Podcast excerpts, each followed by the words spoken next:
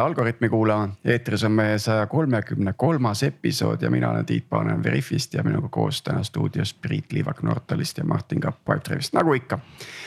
ja meie tänase. Tiit, oota, ma katkestan sind, sinu see, kas sa kõik oma tääbid panid kinni? tääbid on kinni ah,, nüüd läks Kas... jälle sünki okay. tagasi, sul tõesti alguses oli. vahepeal oli nagu korraks, korraks oli. kõik on kinni, oota, ma panen Slackiga kinni kusjuures Slack on ka väga hull, see on ka Chrome'i põhine ju no vot, see on ka kinni, nii et äh, palju õnne.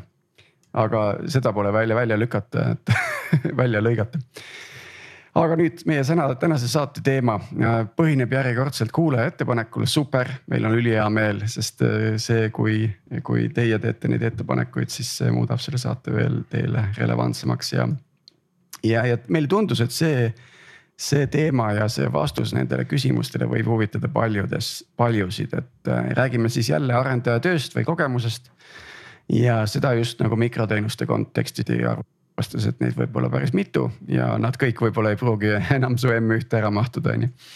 et äh, või siis mida iganes teist platvormi keegi su, su, kasutab et äh, kuidas. mis igas, ükskõik millist iganenud platvormi keegi teine peaks kasutama. kuidas näeb arendaja töö välja nagu kahesaja mikroteenuse kontekstis, et ja selleks me oleme palunud saatesse Kristo Kuuskülli Wise'ist, tere Kristo. tere, tervist. ja saame siis tuttavaks, et räägi natuke kuulajatele mõni sõna endast ja mida sa praegu teed ja, ja kuidas sa siia oled jõudnud, et mida varasemalt oled teinud? varasemalt ma töötasin veebmeedias, siis Nortalis, siis Iglus ja nüüd olen jõudnud Wise'i. ja Wise'is alustasin ka tootearendajana noh, tootearendaja Wise'is on sihuke väga lai mõiste, et mitte ainult Java programmeerimine, vaid me pidime ise, peame ise ka välja mõtlema, mida me teeme ja analüüsima ja klientidega rääkima ja nii edasi. aga ühel hetkel kaks tuhat kaheksateist nagu me eskaleerusime nii suureks, et hakkasid jõudlusprobleemid. ja kuna mul oli just nagu andmebaasidega ja kuna mul oli varasem kogemus andmebaaside ja üldse nagu rakenduste tuunimisega siis ma liikusin tootearendust edasi platvormi, mõtlesin, et teen baasid korda, siis tulen tagasi. aga seal platvormis olles nagu nägin muid probleeme ka ja, ja kuidagi jäingi sinna platvormi ja, ja need probleemid, erinevad probleemid ei ole veel nagu otsa saanud, et, et tõenäoliselt töötan veel pikalt platvormis. ja nüüd ma tegelik ametipositsioon on peainsener äh, Wise'is, kes siis äh, peaks nagu vastutama ka arendusprotsessi, arendusmugavuse eest nagu, millest me ka täna nagu räägime mm. -hmm väga tore, meie originaalne kuulaja küsimus oli selline, et kuidas, kuidas jooksutada kahtesadat mikrosteenust mikroteenust nagu kogu lõikes, et, et kui, kui palju saab pilves teha, kui palju tuleb masinas teha, et. ja, ja kuidas seda muuta konfigureeritavaks vajadusel õige stack teenustest deploy da, et arendust Äh, teha. et, et, et selle, selle teema ümber tänane, tänane äh, saade siis äh, keerlebki, et kui me vaatame Wise'i, et paneks äkki mõne, mõne, mõned numbrid nagu algusest paika, et mis see kontekst on, kus te toimetate? kui palju seal teenuseid on? jah, hetkel on, just lõime kokku, saime kusagil kuussada viiskümmend teenust Äh, mikroteenust. kõik need ei ole back-end'i teenused, me kasutame väga palju server-side renderdajaid ka Next.js-i peal. ja lisaks on, kuna machine learning'u nagu maailm miskipärast elab nagu Pythoni library'te peal, siis meil on selle valdkonna nagu mikroteenused on äh, Pythonis. aga lõviosa teenuseid on back-end teenuseid, teenused, mis on siis Java Spring Boot'i peal aga huvitav on veel ka see, et äh, meil on ka näiteks kolmsada kakskümmend viis andmebaasi. Äh, tegelikult on isegi rohkem, kui võtta mitterelatsioonilist kokku ka, siis võib-olla kuskil seal kolmesaja seitsmekümne viie lähedal on ka andmebaase. et päris sihuke suur äh, arvestatav kogus.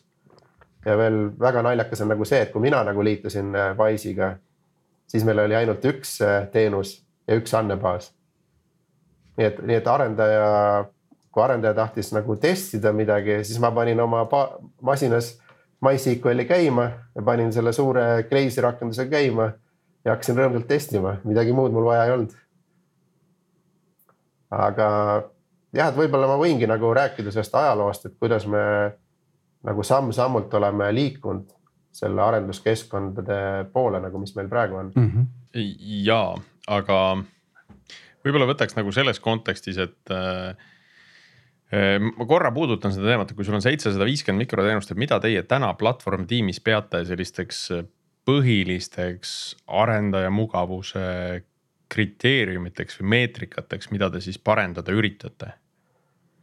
Et ja, ja kui me siis nagu vaatame seda ajalugu ka, et, et äh, võib-olla sa oskad nagu tabada ära seda punkti, et millal sellised meetrikad nagu tekkisid või millal need oluliseks muutusid, kas siis, kui teil oli kaks teenust juba, siis te tulite selle peale või, äh, või hakati, hakati neid äh, jälgima ja mõõtma siis, kui neid teenuseid oli kakssada, eks ole? pigem jah, et põhilised meetrikad, mida me vaatame nagu arenduses on, üks on reliiside arv nädalas või kuus ja kvaliteedi puhul vaatame ka, et kui palju nendest reliisidest nagu rollback itakse. samuti ka, kui palju reliisitakse kõigepealt nagu kanaritesse. kui palju oodatakse seal, et need kanarid korrektselt nagu töötaks. et see on nagu üks aspekt nagu, et reliiside nagu arvu. siis me mõõdame pull request'ide kiirust nagu, et kui kiiresti tehakse pull request kui kiiresti see üle vaadatakse ja kui kiiresti see jõuab nagu toodangusse. et sihuke ideaal nagu. et see on, see on selline nagu lead time siis põhimõtteliselt, et kui kiiresti jõutakse esimesest commit'ist pull request'ini. jah, et mm -hmm. tavaliselt jah, esimene commit nagu teeb pull request'i ka, et noh, see on ka sihuke, et, et nii täpne nagu meetrika ei ole. aga ideaalis nagu tahaks, et samal päeval nagu saaks need commit'id ja pull request'id nagu ideaalses ka release itud et äh, noh, meil on sihuke master'i põhine arendus, mingeid feature branch'e nagu väga ei tehta, et, et see ongi hästi tähtis, et kiiresti saaks kõik muudatused nagu mergitud ja ülesse ka äh,. siis me teeme tagasiside nagu küsitlusi arendajalt, noh küsimegi, et, et kuhu nagu teie aeg läheb. me arendajatelt nagu aega nagu aja nagu sihukest aruandlust ei nõua, et nad paneks nagu ise kirja. sest äh, hetkel on nagu arusaamine, et et äh, sihuke nagu lisa nagu cognitive load nagu arendajatele on kahjulikum, kui me võidaks nagu mingitest optimeerimistest. et pigem teeme siukseid nagu tagasiside küsitlusi, et noh, kus, mis on nagu põhi nagu valu, valupunktid. Teil tootemaailmas pole seda otseselt tarvis ka, et äh, kellelegi edasi anda, kellelegi edasi suunata neid tunde, et pigem on äh, natuke selline missioonipõhine lähenemine, eks ole. jah, täpselt nagu. saab valmis ja see võetakse järgmine missioon, eks. jah, ja võib-olla ta vähemalt lootusen, et äh, see paneb nagu arendajaid rohkem tegema, mida nad ise arvavad, et mis on nagu vajalik, mitte seda, mis, mida seal aruandlustes on vaja nagu tõestada või näidata. ja siiamaani ei ole nagu seda jah, vajadust nagu olnud äh, kuidagi täpsemaks teha. aga mis me veel mõõdame, et äh, väga palju rohkem ma nagu hetkel nagu meetrikuid ei mäletagi. et noh, üle, ülejäänud asjad on siuksed väga nagu spetsiifilised, mõõdetakse. aga kus, oskad sa, oskad sa meenutada ka, et mis, mis hetkel ajaloost neid jälgima hakati? kusagil. no tõenäoliselt mitte esimesest äh, monoliidist alates. ei, ei kindlasti mitte. see oli kuskil kaks tuhat kaheksateist, üheksateist aasta keskel. ja ma arvan, et meil oli sellel hetkel kuskil alla viiekümne äh, mikroteenuse.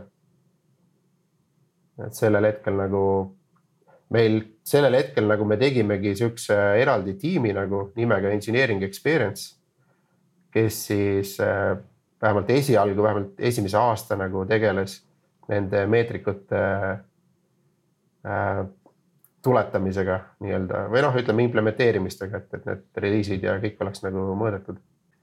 Ja, ja ma, ma tahtsingi tagasi minna sinna, et, et meil on nüüd tuvastatud see, et äh, kuskil viiekümne mikroteenuse juures tuleks hakata nagu jälgima erinevaid meetrikaid ja siis äh, Kristo tahtis veel lisada midagi, et. Äh, aga ma ei ole kindel, Tiit, kas see viiekümne juures äh, on hea, et Kristo, kuidas sa ise tunned, et kas see oli õige hetk või oleks pidanud seda juba varem tegema? noh, ma ei tea, kahekümne mikroteenuse juures, kas oleks lihtsam olnud? ma arvan, et noh, Wise ongi sihuke hästi pragmaatiline, et me nagu ei ehita kohe mingit raketti, teeme nagu, mida hetkeolukorras on nagu vaja. ja noh, loogika on selles, et, et alati sa oled nagu nii-öelda homme targem, et sul ei ole mõtet tänase, tänase teadmise pealt ehitada midagi tuleviku nagu jaoks. kui sa ei ole kindel, et kas see tulevik nagu tuleb üldse selline või, või sa oled tulevikus nagu targem ja oskad nagu teed midagi paremat siis selle nagu jaoks ja. ja aga kui suur see valu sellel hetkel oli, et kas see oli siis sellel hetkel oli veel pisike valu, et me saame hakkama või oli juba, et noh, nüüd on ikka, et asi hakkab juba üle pea kasvama, et äh, peame tegema eraldi tiimi ja lahendama selle mure ära. selle viiekümne mikroteenuse puhul ka, et need meetrikud olid rohkem nagu siuksed nagu, nagu pehmed, et me neid nii väga nagu ei arvestanud, pigem oli see tiim nagu tahtis ise nagu teada, et kas meil on kusagil mingi probleem. et näiteks üks, üks nagu äh, oletus oli see, et kui meil on mikroteenuseid nagu tuleb järjest juurde ja tiim nagu kasvab ka, et siis äkki ühe arendaja äh, velocity läheb nagu niivõrd palju nagu madalamaks, et me peaks hakkama mingit probleemi lahendama. aga siis need meetrikud näiteks näitasid ära, et äh, ei ole nagu probleem, et äh, umbes nagu reliiside arv nagu arendajate kohta jäi samaks ja pull rikkuste arv ka nagu arendajate kohta. ehk, ehk nad näitasid ära, et ei olnud nagu probleemi. aga võtta nagu, oletame, et oleks mingi teine ettevõte, kellel oleks mingi probleem mingil põhjusel nagu, siis need meetrikud jah, oleks nagu ära näidanud, et nüüd peaks midagi muutma nagu, et meil jah, et me lisame nagu mikroteenuseid. võib-olla need mikroteenused näiteks ei ole hästi tehtud ka, et on ehitatud mingi hajus monoliit, mis äh, tõmbab arenduskiiruse täiesti alla, eks et siis need meetrikud oleks nagu ära näidanud, et, et võib-olla teisele ettevõttele oleks juba alates kahekümnest teenusest juba mõistlik hakata midagi kuskilt otsast nagu mõõtma. Et, et see on ikkagi selline natuke loto. ja kindlasti see ongi nagu hästi sõltub nagu, et, et seda kindlat numbrit ei saa öelda, et nüüd kakskümmend on hea või viiskümmend on nagu see piir, kus peaks hakkama nagu eh, tegemagi selle engineering experience'i tiimi, eks, et seda on väga raske nagu öelda Alrighty, et meil on siis nüüd äh, põhjendused olemas, et miks developer või engineering experience on nagu oluline. pandud ära vähem konteksti ka, aga, aga lähme siis selle juurde, et, et palju siis arendaja peab nagu oma masinasse teenuseid deploy ma ja, ja palju ta siis saab nagu pilve peale loota, kus on andmebaas ja, ja, ja kõike see, see pull sealjuures. hetkel ongi nii, et arendaja ei pea äh, enda masinas midagi jooksutama, aga arendus nagu efektiivsuse pärast äh, me jooksutame midagi ja ma seletan seda kohe varsti, et kuidas see nagu käib. aga hetkelahendus on selline, et, äh, et ühesõnaga, mina olen nagu arendaja, ma tahan teha manuaaltestimist. selleks on vaja mul panna päris suur hunnik, äh, ütleme osa sellest Wise'ist nagu tööle kuidagi ja hetkel, mis ma teen, ma lähen Slacki, meil on üks Slacki nagu bot, kus ma ütlen, et äh, pane mulle näiteks Kristo nimeline äh, keskkond nagu püsti. ja selles keskkonnas on või Slacki bot'ile saab nagu öelda, et, et mida, millist osa ma tahan testida, meil on erinevad nagu template'id, mis on siis teenuste nagu kogumid. näiteks äh, makse püstipanek meie saidil on siis üks template. et kui ma tahan just seda nagu osa testida, siis ma saan väga kiiresti öelda, et okei okay,, ma tahan seda. aga ma saan sinna ka erinevaid nagu teenuseid lisada või, või isegi nagu.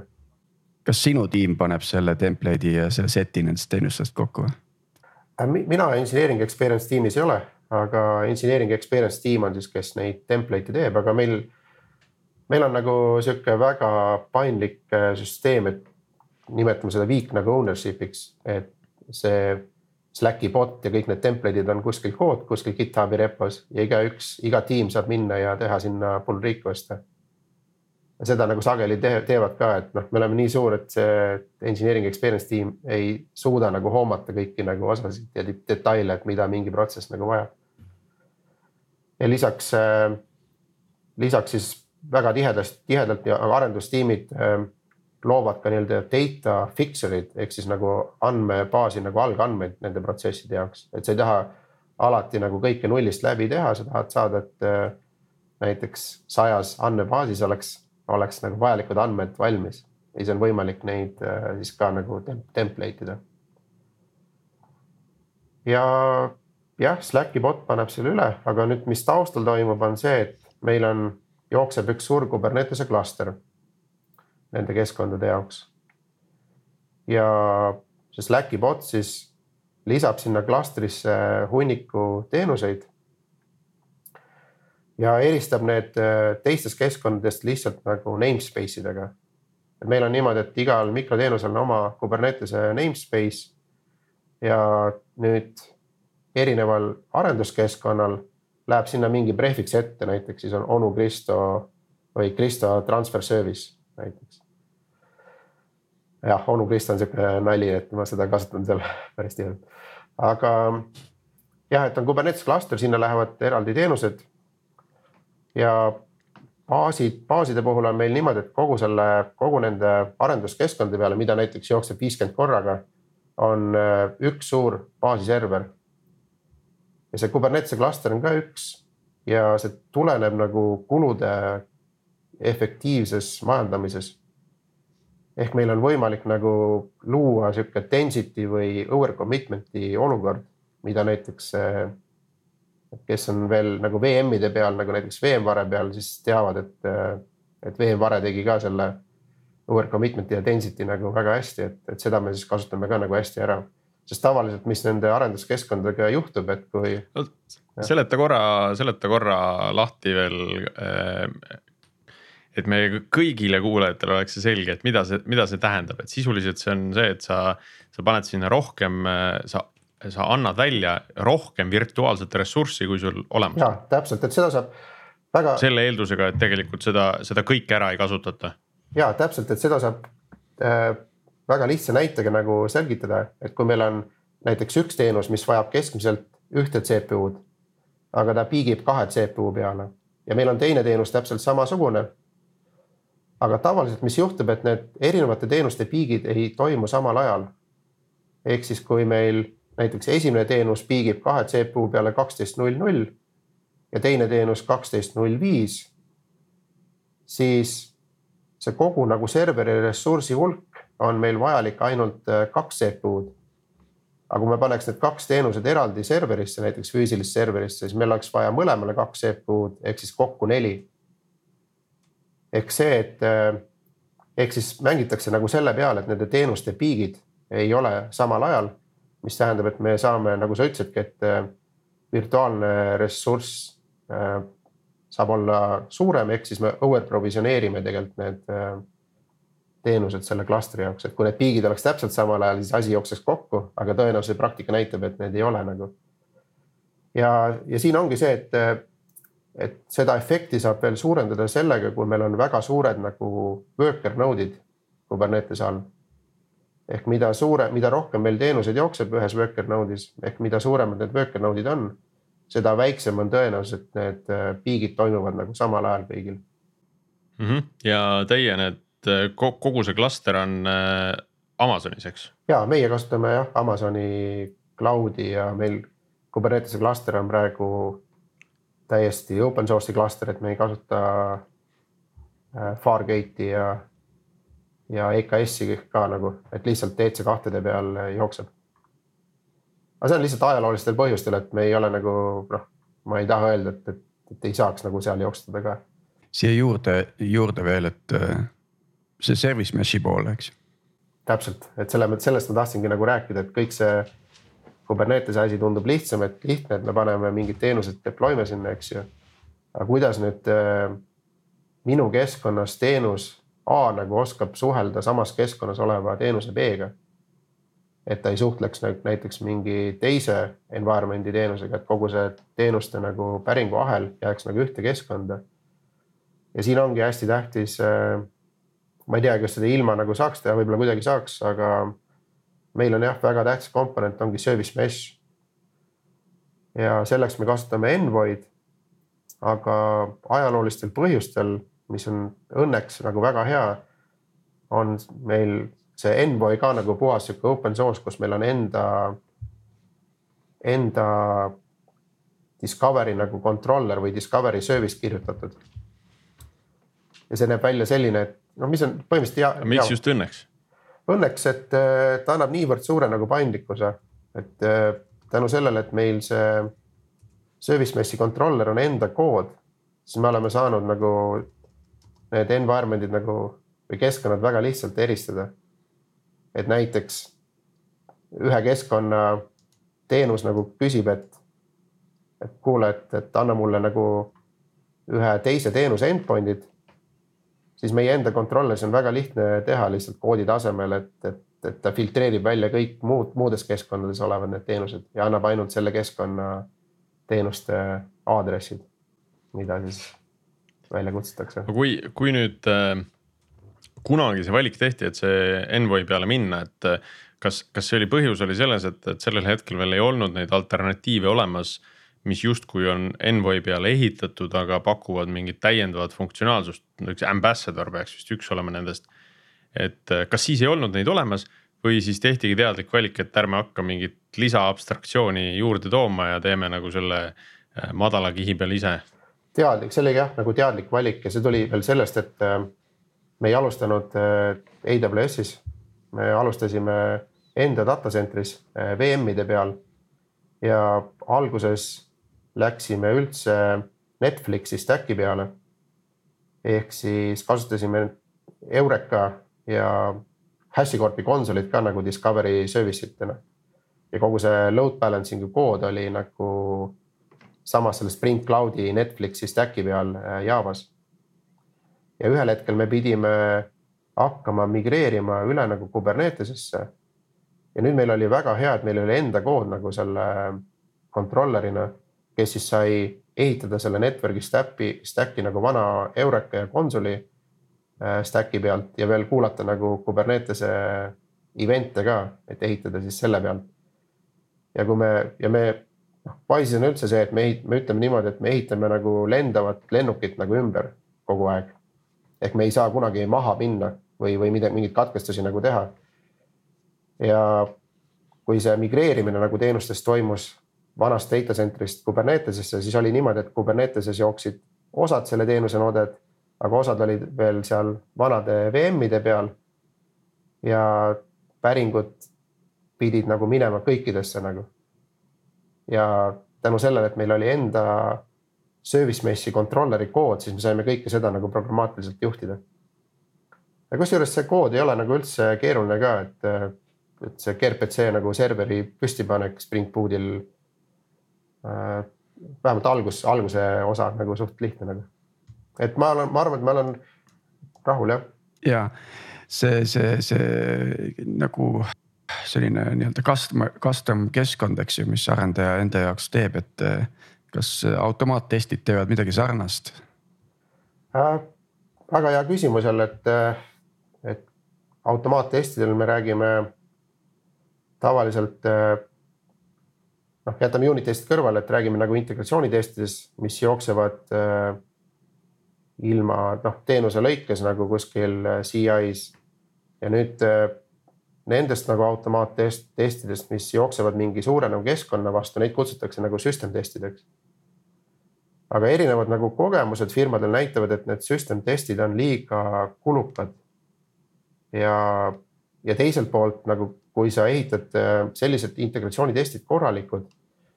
Me kuul-, kutsume neid nagu end-to-end äh, port level nagu integratsioonitestideks. Äh, vastavalt domeen driven nagu disainile mis meil jooksevad nagu reaalselt vastu Dockeris nagu olevat Kafkat, Zookeeperit, äh, Miniot, andmebaase. ehk siis mängivad kogu selle reaalse nagu päringu nagu teenuses läbi. et sellist, kui siukseid kvaliteetseid nagu integratsioone teste teha, siis äh, tõenäoliselt süsteem, süsteem, süsteemitestid nagu midagi lisaks nagu tuvastavad, on nii väike, et see nagu ei tasu ära aga samas meil on täiesti võimekus mm -hmm. olemas ja osad nagu tiimid jooksut-, jooksutavadki nende samade arenduskeskkondade vastu enda süsteemi testide skripte, panevadki selle mm. -hmm. ja minu arust äh, Wise'is vist ei olnud ka seda äh, ka jõudlusteste ei ole, eks ole, sellepärast et seda kõike jälgitakse nii-öelda toodangus ja, äh, ja tehakse vajadusel rollback'e. täpselt. ja turvatestimine, kuidas see sinna peale keeratud on? noh, turvatestimine üldse nagu väga suur. Meil on vist viiskümmend inimest praegu selle peal, kes sellega igapäevaselt nagu tegelevad. et seal jooksevad erinevad port skännerid ja tehakse library'te analüüsi ja, ja muid, et see on nagu väga-väga suur nagu teema. No vot, see on ka nüüd huvitav, et et, et kui palju see nüüd nende arendustiimidega koos on, et kui mikroteenuseid on seitsesada viiskümmend. Äh, kuidas see viiskümmend inimest katab ära selle kõik, kõik seitsesada viiskümmend mikroteenust, et, et kui palju seal on mingit sellist standardiseerimist a la, et igas pipeline'is peab olema see, see komponent sees, see check sees, eks ole. et, et turvatiim saaks mingisugust sisendit selle, sellesama mikroteenuse kohta, on ju. Ah, see on nagu suht, ütleme erineva nagu tasemega, et äh, mis meil teenused nagu teevad, on see, et, et kõik, kõik nagu teenuste endpoint'id on nagu turvatud. Äh, tavaliselt kasutame OAuth2-d ja Envoy Mutual TLS-i ka läbi Spiffe ja Spire'i. aga nüüd see on, see ütleme niimoodi pehmelt öeldes, et mingit väga tugevat kontrolli nagu tänapäeval ei ole, et keegi ehitab nagu integratsioonitesti enda teenusesse, mis käib need endpoint'id läbi ja vaatab, et need äh, eeldatavad nagu rollid ja annotatsioonid ja kõik on nendel nagu controller'i endpoint idel peal. et see on pigem jäänud sihukeseks, et, äh, et koodi ülevaatuse tasemel ja meie tiim, noh, minu tiim on tegelikult nagu SRE tiim. siis meie loome nagu siukseid best nagu guideline'e, kuidas neid integratsiooniteste nagu ehitada aga me ei ole, me ei ole nagu välja mõtelnud, et äh, kuidas ehitada mingi, nagu sa ütlesid ka, et jah, inimesed ei suuda, ütleme mingi keskne grupp inimesi ei suuda seitsesada viiskümmend teenuse koodi kogu aeg nagu üle vaadata, et me peame kuidagi seda automatiseerima. aga me ei ole mõtelnud välja, et kuidas saaks äh, ehitada kontrollija, mis ütleb, et kas teenusel on head testid või ei ole. et kui keegi noh, mingid test coverage'id ja need ei näita midagi, eks, et coverage sada protsenti null asserti nagu minek või siis mitte. et, et jah, et see, see on pigem jäänud, et äh, lihtsalt, et see info nagu anda nagu teada tiimidele, et te peate nagu neid, neid teste ja see turvalisus on nagu oluline. ja siis tiimid ise nagu individuaalselt siis peavad selle tagama. aga, aga lisaks meil jooksevad nagu portskännerid, et, et tegelikult nagu automaatsed äh, süsteemid nagu kutsuvad teenuste endpoint'e välja, nii kui leiavad millegi mis ilma token'ita ei anna nelisada kolme või nelisada ühte nagu, siis läheb kohe alert nagu tiimidele, et hakake nagu parandama mm. -hmm. no siin on see autentimise põhine turvalisus, aga eh, tegelikult on ju ka eh, noh, ka hiljuti igasuguseid eh, nii-öelda zero day'sid on välja tulnud mida annaks kenasti vältida sellega või mida, mille tuvastamiseks tegelikult olekski vaja seda, et kõikide teenuste peal teha mingit tüüpi kontrolle kasvõi seda OWASP-i dependency ja. check'i äh, aga teha seda regulaarselt, mitte siis, kui arendus toimub, vaid teha seda, ma ei tea, iga nädal või üle päeviti, on ju. Äh, et noh, selliseid asju ikkagi peaks kuidagi jõustama, et kõik need arendustiimid, kes selle seitsmesaja viiekümne mikroteenusega töötavad, siis jälgiksid seda, et neil need kontrollid oleksid peal, mingisugune no Need on, need on jah. noh, ma ei taha öelda auditeerimine, aga mingisugune juhtimine peaks olema. ja need on olemas loomulikult, et meil kasutame seda. aga kuhu alla see läheb, et kas sellega tegeleb äh, turvatiim või sellega tegeleb see, see arendaja mugavustiim või developer experience tiim? sellega hetkel tegeleb äh, üks turva nagu alamtiim. Äh, STL on selle lühend, ma ei teagi, mis see täpselt tähendab aga nemad siis kasutavad Trivi, Trivi nagu skännerit, et kõik, mis meil on toodangus üleval nagu image'id teenuste nagu image'id, need skännitakse läbi ja leitakse siis nagu vulnerability'd. ja praegu noh, meil on võimalus olemas see ja kasutades ka, et on CI-sse nagu lülitada see kontroll nagu trivi kontroll, mis äh, teenuse ehitamise ajal annab selle vea või noh, ütleme, et näitab ära need critical nagu vulnerability'd. aga hetkel äh, see kontroll ei takista selle teenuse nagu reliisimist. No see info mõttes on see oluline ju, et äh, alati see, see vulnerability ei pruugi rakenduda ka, et see on ikkagi inimesepoolne riskihinnang on vaja sinna anda, et kas äh, kas seda on võimalik exploit ida konkreetses keskkonnas, konkreetses. ja see ongi, et meil seesama, sama tiim nagu kui nad äh, noh, vaatavad vulnerability'd üle, siis meil on veel false positive nagu äh, register või ütleme siis filter nagu ja need library'd lähevad äh, sinna, noh näiteks nagu olid need log4j vulnerability hästi kuulus nagu oli nüüd. aga, ja need äh, OWASP-i skännerid ja Trivi leidsid, et kui sul on log4j nagu API library, siis sa oled nagu vulnerable, aga kuna me kasutasime alati nagu logback'i mm -hmm. back-end'i, siis tegelikult seda, seda ei rakenda -hmm. nüüd me panime false positive'isse, me ei taha jälle, et inimestel oleks mingi mõttetu nagu tegevus, et lihtsalt mingi checkbox nagu kirja saada, et, et, et seda üritame nagu vältida et noh, see on mõistlik ka, et kui sul on nii palju inimesi, äh, arendajaid nagu, siis sa ei taha, et, et, et ühesõnaga, kui nad teevad mingit mõttetut tööd, parandavad mõttetuid nagu bugisi või criticality'd nagu, siis see on lihtsalt väga suur ajaraisk, kui see kokku arvutada mm. -hmm. Nüüd need custom environment'id, eks ju, mul on sellega seoses kaks küsimust, esimene on see, et et äh, kuhu need logging ja see debugging võimekus nagu läheb, kas see on isoleeritav kuidagi nagu toodangu asjadest või?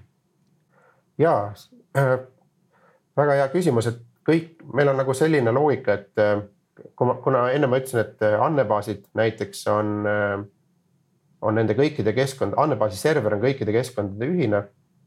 Lihtsalt seal on väga palju skeemasid, eks ju, iga nagu environment'i kohta ja iga teenuse kohta ka. siis kõik asjad, mis meil jooksevad toodangus Kuberneteses, on nendes environment ides ka eraldi. ja kogu see kui, kui panna üles eraldi arenduskeskkond, siis selles arenduskeskus on, on eraldi Elasticsearch, Kibana. Äh, ja lisaks on Prometheused ja Grafanad, et need on ka kõik nagu eraldi selle teenuse kohta nagu provisioneeritud. ja kõik meetrikud ja kõik logid, mis meil on toodangus, on seal arenduskeskkonnas nagu näha. aga nüüd lähed seda ära ei unusta, et, et meil on täielik luksus, aga nüüd üks, üks asi, mis, et võib-olla võtakski nagu vahele selle, mis teised võib-olla ettevõtted ei ole nagu väga teinud, aga mis on ka meil võimalik, et sa saad. Et kui mul on see arenduskeskkond üleval, siis ma saan valida ükskõik mis, mis teenuse, mitu, mitu tükki ka. ja panna need enda masinas jooksma, et ma saaks näiteks remote debug ida või väga kiiresti teha nagu muudatusi. ja see service mesh, siis ma ütlen põhimõtteliselt ühe CLI käsuga selle keskkonna service mesh'ile, et näed, et kui keegi tahab, keegi kutsub välja seda teenust A-d, siis saada need kõik minu masinasse selle, selle board'i peale. Ja, ja, ja see minu teenus ka nagu suhtleb, on selle service mesh'iga ühendatud, kui minu teenus lokaalses nagu masinas jookseb, mida ma praegu remote debug in ja võib-olla arendan ja muudan ka siis tema oskab ka nagu selles minu keskkonnas teisi teenuseid nagu välja kutsuda ja saab nagu andmebaasidel ligi, selle Kafkale ligi, Zookeeperile. et, et just see on see, mida võib-olla teised ettevõtted ei ole väga teinud. ja, ja see loob nagu sihukese väga mõnusa efektiivsuse. Front-end'i nagu arendus nagu nõuab sellist võimalust, eks ju, et, et, et pidevalt nagu rebuild ib seda on ju oma masinas ma kusjuures kuulan siin seda ja just mõtlen, et no nii sarnane sellele, mis, mis meil on nagu kujunenud samamoodi üle, täpselt sama, eks ole, et nad alustavad kõik oma, oma VM-idest, virtualbox idest kuskil PHP ja MySQL-i otsas või mis iganes see võib olla Java, eks ole, või MySQL, eks ole, nüüd on mikroteenused, mis on kuskil AWS-i cloud'is. Ja tõesti üks asi ja nüüd on see esimene kord, mis esimene asi, mis ma tunnen, et oh, see on nagu ikkagi on meil natuke ka paranemisruumi, et see on nagu päris mugav tundub, et kui sa saad oma masinas panna selle teenuse püsti ja ühendada selle ühe teenuse siis selle remote'i vastu.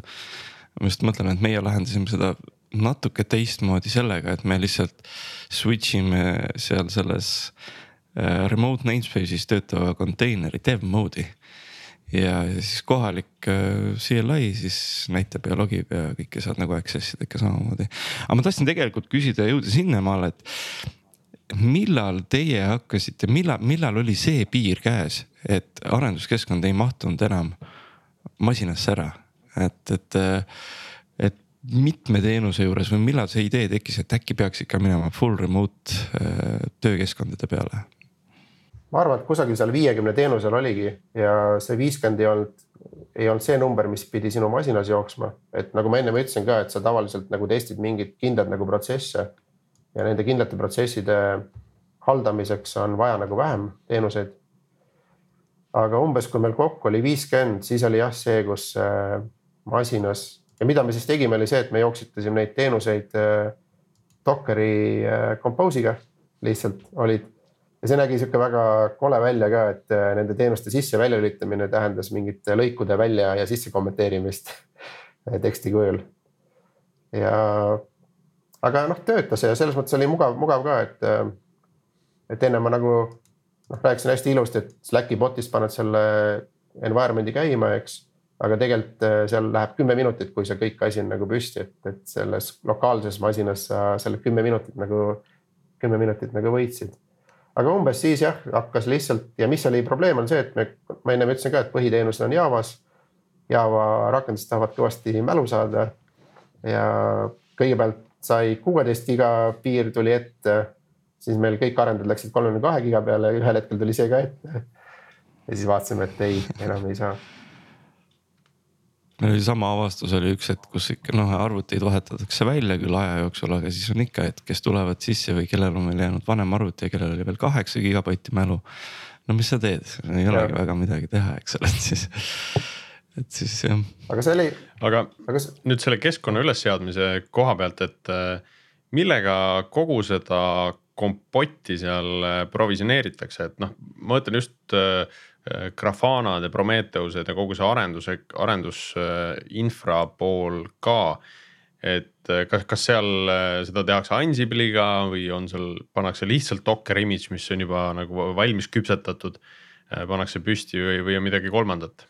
See, mis keskkondi püsti paneb, puhastab ja kontrollib ja kõike muud teeb ja suhtleb veel selle Slackiga ka, on üks Pythoni teenus, mis on siis deploy tud nagu image'ina või, või eraldi nagu teenusena sinna suurde arenduskeskkonna Kubernetese klastrisse. ja, ja see oskab nagu kõik nagu ära teha. Kubernetese klaster ise läheb püsti jah, Terraformi, Ansible'i ja EC2-de image itega ja sihuke tavaline, tavaline nagu infra nagu provisioneerimine, lisaks nagu kogu võrgundus ja et, et VPN-idega saaks suhelda ja kõik see on nagu Terraformide ja Ansible'idega. aga kogu see arenduskeskkondade majandus on jah, ainult Pythoni teenusega mm. -hmm. et seal äh,, see on, see on täitsa custom arendus, ma saan aru. jah, täpselt. me oleme varasemalt ka saadetes jõudnud sellesse kohta, et tooling ut on siin-seal ja siis lõpuots, see on ikka koha peal tehtud. Aga see ongi minu arust väga hea, sest äh, ma ei tea, et e-, elu nagu näitab seda, et kui sa võtad mingi suure asja, valmis asja nagu kasutusele täiesti nagu, siis ühel hetkel nagu kõik, kõik elu on nagu hea ühel hetkel, kui sa tahad seda erisust, näiteks me tahaksime, et see service mesh suudaks nagu nende lokaalsete teenustega suhelda, siis on kõik. ja nüüd sa paned, nüüd sa, nüüd hakkab see ajakulu nagu, kus kogu see kasu nagu läheb nagu ära, et sa hakkad nagu uurima, et kuidas see tehtud on, kuhu ma saan selle häki vahele panna. Siis teed selle häki ära, seda enam uuendada ei saa järgmistes versioonides, pead uuesti tegema. aga kui sul on oma kood nagu, siis mingite muudatuste tegemine on sihuke triviaalne, et äh, lähed, lähed ja teed nagu, et selles mõttes mulle mulle nagu sümpatiseerib nagu see, et ja kuna meil on nagu noh, nii palju arendajaid ka ja seda arenduskompetentsi on nii palju selles ettevõttes, siis see ei ole nagu probleem et keegi kirjutab siis midagi nagu juurde ja ütleme. No kus ma tegelikult jõuda tahtsin, oli, et jah, ajavõit on, on oluline, eks, aga kus ma tegelikult jõuda tahtsin, on see, et, et nüüd tiimid, kes ei ole täna seal Äh, kes, kes ei ole veel selle, ka selle viiekümne mikroteenuse juures, on ju. Äh, et oluline on vist mõelda sellele, et äh, kuidas ma tulevikus seda automatiseerida saan. noh, näiteks, et ärme pane seda Prometheust käsitsi püsti, on ju, et kui me paneme ta täna käsitsi püsti, siis me peame seda ka kahe nädala pärast ja kuu aja pärast panema ja ühel hetkel automatiseerima hakkama. et teeme kohe selle õige Docker image'i ära või teeme kohe selle Ansible script'i ära, mis selle Äh, selle Virtuka oskab ära provisioneerida, eks. et ühel hetkel, kui meil tekib sinna kas, kas mingisugune off the shelf toode või äh, ise kirjutatud äh, Pythoni skript on ju, siis me saame selle kaudu lihtsalt käima tõmmata seda automatiseerimist, mis meil juba olemas on, on ju. ja täpselt. et, et sellele tasub nagu algusest peale mõelda ma arvan ise, isegi siis, kui veel ei olda nagu selle kahekümne mikroteenuse juures, et et mida, mida varem nagu mõelda sellele, et kui lihtne seda asja kasutada on, see, seda olulisem, seda lihtsamini läheb ka hiljem see automatiseerimine ja edasiarendus. ja väga-väga täpselt või väga õige, et ma ei, ma isegi uutel nagu ettevõtetele või väiksematele ettevõtetele soovitaks nagu seda, et isegi kui jooksute näiteks mõnda teenust, Java teenust näiteks Yarri, Yarrina või kusagil VM-is või EC2-s nagu, siis jooksutage seda juba nagu Docker image'iga et see Docker image on, annab selle niivõrd nagu hea paindlikkuse. ja seda me teeme ise ka, et meil noh, mõned mingid proxy'd, proxy nagu serverid jooksevad kuskil EC2-de peale. Aga alati nagu jooksevad nagu Dockeris, et seal EC2 sees jookseb Docker ja selle sees siis nagu see image'ina vastav nagu proxy, et see annab niivõrd hea paindlikkuse pärast neid asju nagu ümber tõsta, et okei okay, liigutan selle Kubernetese või Netesesse või, või mujale kusagile serverisse ja, ja et see, see on. ütleme jah, Docker on see, mis kogu selle minu arust selle arendusmaailma nagu niivõrd nagu paremaks tegi igatpidi nagu. Nii üks, üks äh, selline huvitav mõte veel, et et kuidas, kuidas te tagate sellise homogeensuse üle kõikide nende teenuste, et, et ei juhtuks seda, et äh, sellel seitsmesajal teenusel noh, ütleme neist äh, kolmel-neljasajal on ikka mingisugune API on ju. et, et see API oleks kuidagi teistmoodi erinevalt sõnastatud, keegi kasutab camel case'i, keegi kasutab alakriipse sees on ju. Et, et ta nagu pudruks ja kapsaks kätte ära ei lähe, et mida selle jaoks kasutatakse, et seda ühtsena hoida? API-dega meil probleeme ei ole olnud aga ühel hetkel meil oli jah, nagu selline probleem, et me tahtsime, et kui, et keegi midagi teenuses nagu muudaks või, või, või teeks midagi, siis me kirjutasime kas mingid wiki, wiki nagu page'id või ütlesime Slackis, et äh, palun nüüd tehke see asi näiteks. migreerige sellest vanast nagu deprecated library'st mingile uuele. Ühel hetkel vaatasime, see ei skaleeru enam. ja siis ühel tüübil tuli ülihea nagu idee, et ehitame ühe teenuse me, selle teenuse nimi on nüüd nagu Sensus teenus, juba kaks-kolm aastat äh, üleval olnud. ja see Sensuse teenus siis äh, sisaldab nagu väga erinev, noh, erinevaid nagu ruule. et millised äh, versioonid peavad olema, vähemalt mingi Spring Boot kaks kuus näiteks on ju, et milline JTK peaks olema, millised library'd ei tohi kasutada. Git, millised nagu reeglid peavad olema GitHubi repodel nagu peal või setting ud ja siis ta on nagu sihuke ämblik, kes siis nagu igalt poolt nagu skreibib nagu infot nagu GitHubist ja nendest image itest ja erinevatest nagu security skänneritest. ja ehitab siis sihukese pildi, et võtad oma teenuse seal Sensus lahti, sa näed nagu, mis on valesti, mis on hästi. ja lisaks lähevad ka Slacki alert'id nagu äh, asjadele peale. Ja minu arust see Sensuse idee, Sensuse teenus üli, üli jälle tuttav pattern ei see ongi, aga see on nii lihtne, lihtne pattern, aga miskipärast meil oli see puudu ja me ei kuidagi väga juhuslikult tulime selle idee peale ja nüüd see idee on nagu niivõrd ära tasunud ennast, et äh, teistmoodi enam ei oska nagu elada nagu. aga noh, ta API-s ei, API-s ei kontrolli. mulle tundub, et siin on nagu paar, paar open sourcing'u võimalust praegu. et, et see, see sensus, eks ju, või sensor või mis ta on, eks.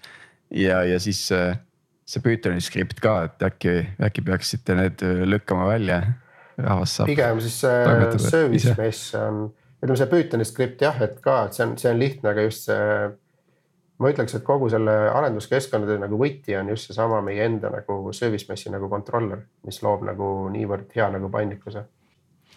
see on nii huvitav, et eh, vaata, kui kui, kui hakata uurima siukseid tööriistu, eks ole, et ettevõte kasvab sinnamaale, et sul on vaja noh, nagu mingisuguseid juba oma, oma sihuke custom, customized controller eid ja mingeid siukseid asju siis mis, mis ma nagu mõelnud ja avastanud, et, et noh, miks ei võiks sihukest asja open source'is olla, aga fakt on see, et tavaline keskmine ja keskmisest väiksem firma ei vaja sihukest asja, ta ja noh no, nagu milleks, eks ole, see on liiga keeruline, eks ole ja kui suurem selle open source'ist võtab, siis ta peab selle nii palju ringi tegema, et, suurtel firmadel on juba nii noh, et igaüks, igalühel peab olema oma nišš, kuidas nad muidu siis nagu, nagu turul läbi löövad, eks ole. ja siis see nišš tegelikult või see, see äriline nagu nõue tingib ka selle, missugune erisus sul on nagu kogu keskkonnal on ju. ehk siis see on, see on sihuke nagu tundub, et miks ei ole keegi seda ära teinud või miks igaüks teeb omamoodi, aga tegelikult sellepärast ongi, et igalühel ongi nats samamoodi, et noh. väga laias laastus sama, aga siis on ikkagi seal nagu, nagu Tiit ütles, lõpuots on ikka teistmoodi vaata et, et midagi peab ju erinevat olema, vaata aga ei, see on nii huvitav kuulata lihtsalt, et nagu, et, et, et noh, mustrid on vähemalt ikkagi väga sarnased. Nüüd me nagu liiku-, liigumegi just hetkel käivadki projektid nagu, kus ma ka nagu natuke olen ühe jalaga nagu sees, et liigume nagu edasi, et nüüd me tahaksime, et need. lisaks selle Sensus'i nagu alertidele tahame ehitada ka nagu robotid, mis lähevad ja teevadki PR-i nagu teenustes. et mingid noh, Dependabot on nagu, on sihuke teada-tuntud asi, aga ta on natuke rumal nagu.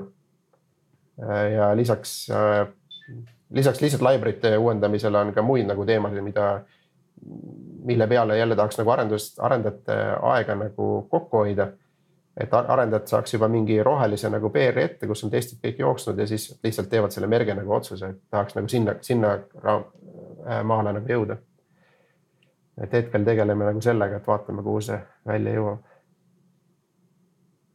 Ja ma siia vahele pistan, et Veriffis oleme ka, selle, meil on selle nimi service visibility tool, eks ju, mis korjab kokku selle kraami ja, ja siis selle küljes on põhimõtteliselt ka service maturity framework, mis põhimõtteliselt siis vaatab iga teenust viieteistkümnes kategoorias, viies levelis. ja nüüd me tahame just praegu hakkama mõtlema, et kuidas, kuidas me deploy tool'i nagu to toome need notification'id ja warning ud sisse, et kuule, hei. sa deploy'd siin critical path teenust, mille logging level on kolm, aga me ootame nelja, et nüüd pead hakkama jälgima seda asja, et Tiit, kas teil need, see service maturity, need kontrollid on äh, automatiseeritud? ei ole. või päris ole. kõike saab seal, ei saa kõike? ei saa kõike päris automatiseerida, et, et see on sihuke auditi põhine, paar korda aastas oleme üritanud mm -hmm. seda mhm. teha, aga, aga, aga visibility't saab automatiseerida mm. -hmm, saab ja Kristo, sulle küsimus, et äh, see, need tsensuse reeglid, et ma saan aru, et need on ikkagi kõikide arendustiimide poolt täiendatavad ja et seal ei ole noh, et, et mingi platvorm tiim või security tiim, noh, nemad ka lisavad neid, eks ole.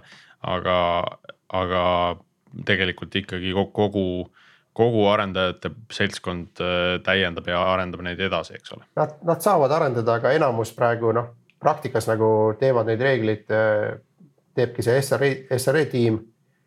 arendajad lisavad ka sinna reegleid, aga hetkel nagu lihtsalt teenuste klientide library te nagu versioone ja, ja nende nagu migreerimise nagu paatide nagu reegleid. et me kasutame hästi palju neid, noh igal teenusel on oma mingi Java nagu client library ka. ja et need ka saaks, et ei jääks kuhugi teenustele maha mingid, ma ei tea, paari aasta vanused eh, client library'd. siis neid, neid reegleid nagu uuendavad arendajad ise.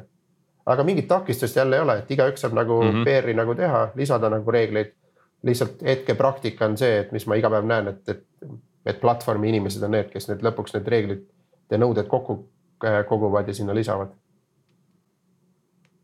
Aga siin on jälle äh, huvitav, et on, on täitsa custom lahendus selle jaoks loodud mitte tehtud äh, mingisuguse platvormi peale seda, et, et selliseid lintereid on, on erinevates äh, koodianalüsaatorites olemas, ma saan aru, et see kogub küll ka kokku rohkem äh, Äh, selles mõttes, et ta käib, äh, käib nii-öelda erinevates äh, andmeba-, andmebaasides siis tegelikult neid asju kogumas, et see ei vaata ainult nagu koodi põhjal seda asja, eks.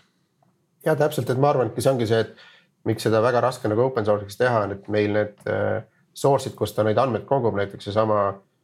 üks on meil turva, turva nagu skänneril nagu X-ray, JFrogi nagu X-ray nagu baas on ju, kus käiks et kui see open source'iks teha, siis me peaksime tegema kõik need mingid erinevad nagu integratsioonid, et noh, põhi, põhiaeg lähebki nende integratsioonide peale, et see teenus ise on ju lihtne, et, et mingi job jookseb ja oskab Slacki message'ist saata ja, ja teha mingeid äh, kontrolle seal.